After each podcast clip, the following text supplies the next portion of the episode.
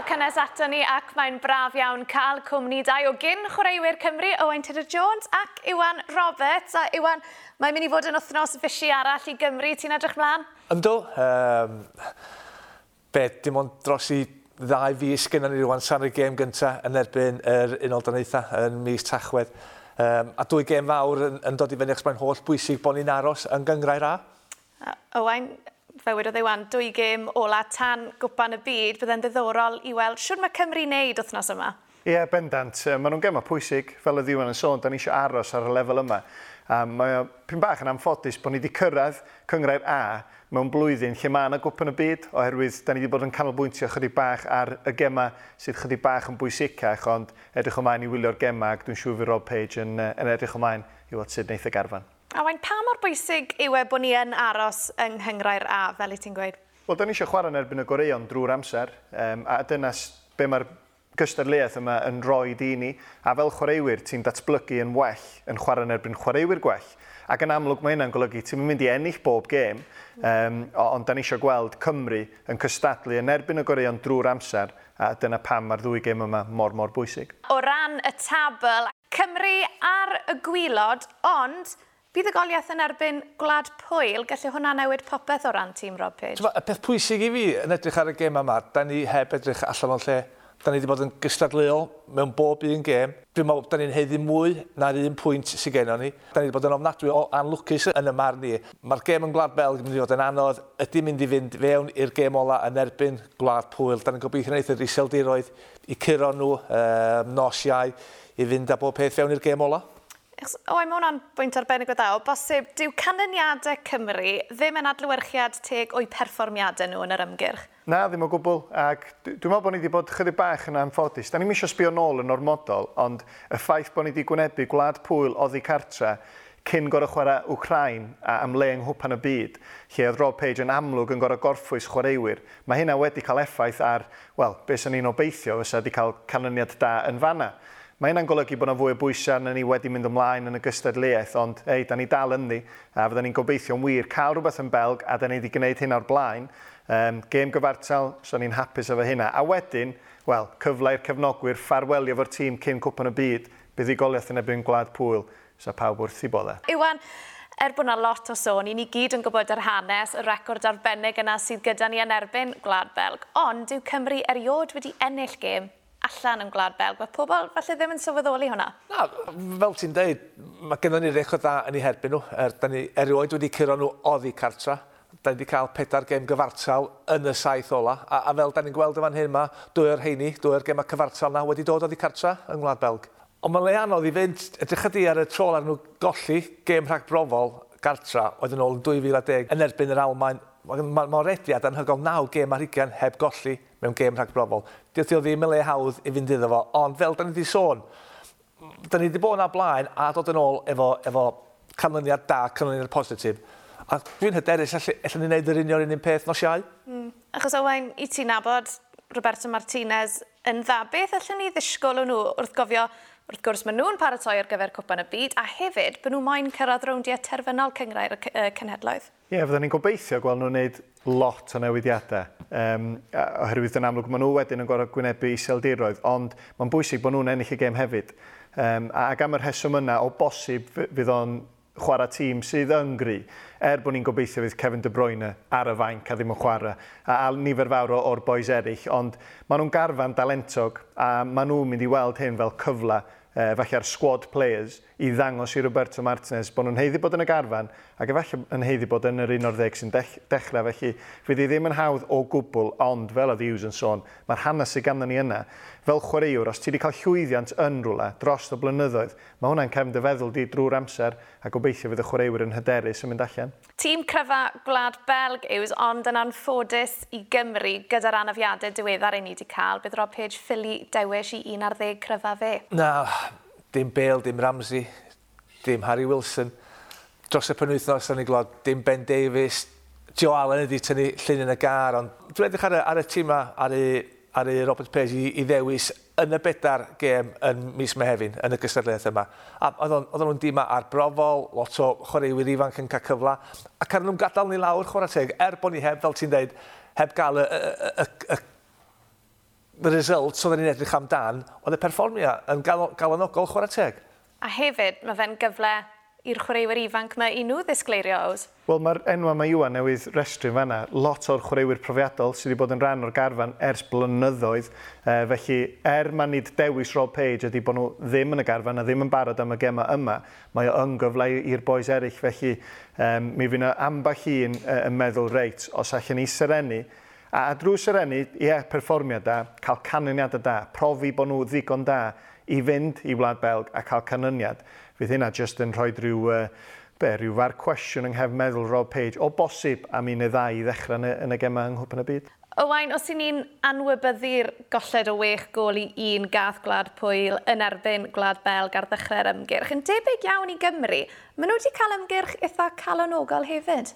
Yndi, maen ma nhw yn y gyngrair am reswm. Um, e efo Cymru, maen nhw'n heiddi bod yna. Mae gan nhw chwaraewyr talentog dros ben. Um, mae rhaid mynd allan ennill y parch er mwyn cael y fuddigoliaeth yn ei herbyn nhw. Ac mae gen nhw ambell i chwaraewr sydd yn dalentog dros ben. Da ni'n sôn yn aml am Lewandowski a'r goliau mae o'n gallu sgorio yn chwarae Barcelona erbyn hyn. Ond dwi'n licio Milic wrth i ochr, neu jyst yn chwarae tu ôl iddo fo. Um, ymwysodwr sy'n chwarae Juventus, felly dydy hein ddim yn dîm efo un dîn, Ond efallai bod bobl yn sbi ar nhw fel e, tebyg i Gymru efo bail dros y blynyddoedd, maen ma nhw'n well na hynna. Mae'n mynd i fod yn galad yndi, ond mae'n record cartra ni yn wych, felly dwi'n disgwyl gweld perfformiad a hanner, a jyst gobeithio fydd pŵl ddim wedi cael dim byd yn y gem yn erbyn yr iseldiroedd. Yw ddiwe o bosib felly'n rhy hawdd gweud, o, oh, jyst ennill yn erbyn gwlad pwyl sydd eisiau ni wneud, a byn ni'n iawn?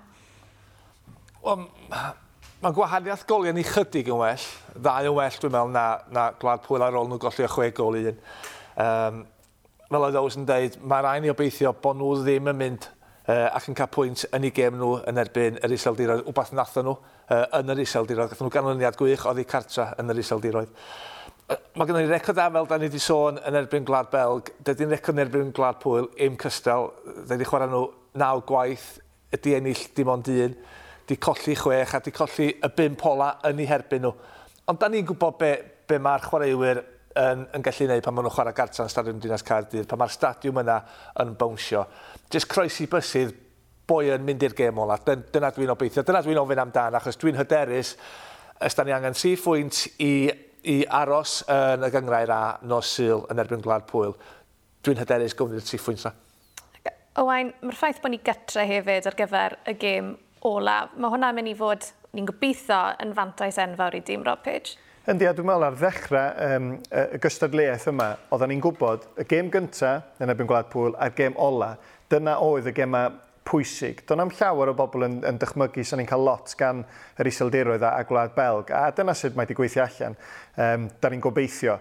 Ac gêm gartre, ola, cyn cwpan y byd. Da ni'n gobeithio fydd y lle'n orlawn oherwydd mae'r chwaraewyr yna'n heiddi gweld y stadiwm yn orlawn, digon o wyrgylch, digon o sŵn, a wedyn fydda ni'n gobeithio fydd y chwaraewyr yn rhoi y perfformiad mae'r cefnogwyr yn heiddi. Felly, team game fel maen nhw'n dweud, ac gobeithio fydda ni'n aros ar y lefel yma yn gwmws. Wel, wrth i gyngrair y cenhedloedd ddod i ben am dymor arall, beth am i ni weld beth yw'r sefyllfa o ran y grwpiau eraill? Iwan, mae rai fi wedi, sa'n credu oedd neb yn disgwyl gweld Frank ar wylod y grŵp. Ti wedi cael syndod yn gweld bod nhw wedi cael ymgyrch mor wael? Um, doi fel y garfan sydd gen nhw i ddewis ohono fo. Nhw ar ennill y gystadleuaeth, y trola gath i, i chwarae. Nhw wedi deiliad cwpan y byd. Fydd dy siomps yn colli cwsg bod nhw ar y gwylod, dwi'n meddwl i fydd o, a deud y gwir, achos tedych yn mis Tachwedd, mis Rhagfyr, fydden nhw'n bell o gyrraedd y rownd derfynol. A swn i'n syni dim efo'r chwaraewyr e sgen nhw i ddewis ohono fo, swn nhw'n mynd allan ac ennill y gystadleuaeth yn gwybod y byd unwaith eto. A mae rhwng Denmark a Croatia o ran pwy fydd yn cyrraedd y rowndiau terfynol. Ond on, ti'n sôn am ddwy wlad da, ar un i weld beri Denmark wneud i ni yn yr Euros, a nhw golli'n erbyn Lloegr yn y rownd gyn derfynol yn anffodus yn y marn i. Mae gen nhw dîm da, Croatia, da ni'n gwybod ar nhw golli Ffrainc, yn y rown derfynol o gwpan y byd bedair blynedd yn ôl. Maen nhw'n dîm da, allan nhw gyro unrhyw wlad ar ei diwrnod, a dyna pa mae rhwng y ddwy yna i ennill y grŵp yna. Ac, owain, dyna'r peth o ran bod yng Nghyngrair A, mae bob tîm yn tîm da na gen nhw. Yndi, a be mae'r gystadleuaeth yma yn, yn, yn ei olygu ydy mae'r rhai gwledydd yn mynd drwy rhyw transitional period uh, mewn gemau cystadleol lle does o ddim ffordd o guddio um, os da chi ar rediad gwael neu os da chi'n dod â chwaraewyr ifanc i fewn. Dyna mae'r gystadleuaeth yma'n rhoi, mwy o lygyd ac uh, yn amlwg mae, mae, mae hynna'n creu dipyn bach mwy o bwysau ar y rheolwyr yma. Grŵp 2, Portugal, nhw nath ennill y gystadleuaeth y tro cynta. Sbaen sydd ar y brig a maen nhw'n teithio i Portugal, edrych yn debygol. Fydd hwnna mynd lawr i'r gêm olaf. Yn dim ond yn grŵp sydd efallai uh, yn edrych ar hyn o bryd fel fysa rhywun wedi ddychmygu, sydd yn wahanol i'r grwpiau eraill. Uh, da ni'n gweld um, y wyriniaeth Siec a, a Swistir yn brwydro i aros a, ar y lefel yma, a wedyn Portugal a Sbaen yn mynd amdani. Sbaen, pwynt ar y blaen ar hyn o bryd, ond ym Mhortugal, dwi'n dwi meddwl mae Portugal sydd gan y garfan gryfa Falla yn y byd ar hyn o bryd o ran pwy sydd ganddyn nhw i ddewis y dyfnder sydd o fewn y garfan lle mae Sbaen os rhywbeth maen nhw yn dechrau newid. Mae gennyn nhw ser ifanc fel Gabi yn ganol cae um, ser y dyfodol os lici di, felly fydd hon yn ddifur dros ben, ond swn i'n syni dim os mae Portugal fydd yn gorffen ar y brig. Ie, yeah, mae carfan Portugal yn frawychus o ran y dyfnder sydd gyda nhw. Nawr fi moyn gofyn y ddoi ohonoch chi am grŵp 3, Iwan Lloegr ar wylod y grŵp a nath nhw gwmpo i Beaches yn erbyn Hwngari, cartref ac oedd hi cartref. Gareth Southgate, un o'r rheolwyr yma, oedd yn cwyno am gymaint o gema ar ddiwedd y tymor yn, yn, yn mis Mehefin. Dwi'n dall pam, a dwi'n meddwl bod fod i arbrofi nifer fawr o weithiau efo'r efo, chwaraewyr mae oedd i ddewis. A, a sy'n edrych ar eu tîm nhw, sy'n edrych ar eu carfan nhw, dwi'n meddwl fydden nhw'n mynd rhy bell o fynd fewn yn ddefn i'r gystadleuaeth yn, uh, yng nghwpan y byd? Oes, wrth gwrs, mae rhaid i roi clod i Hwngari, ond ti'n credu bydd Rob Page wedi gweld canlyniadau Lloegr yn ddiweddar a cymryd bach o hyder o hwnna o bosib? E, swn i'n feddwl, ond mi oedd dal yn ymwybodol just un golwg ar y garfan a'r chwaraewyr sydd gan Lloegr i ddewis ond mae ma gen nhw gymaint o chwaraewyr talentog. E, fydd o'n ymwybodol o hynna, ond pan ti'n gweld tîm yn rhoi crasfa i dîm arall, yn amlwg mae yna wendida a fydd Rob Page yn gweld y gwendida yna ac yn meddwl allan ni gymryd mantais o bosib.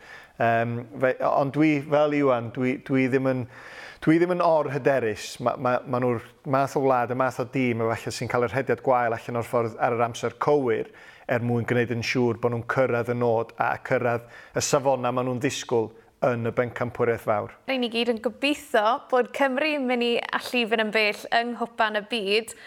Dyma fydd y ddwy gêm ola. O ran y carfan, fydd Rob Page yn dewis i fynd mas i cyta. Pwy ti'n credu sydd gyda bach o bwynt i brofi wythnos yma?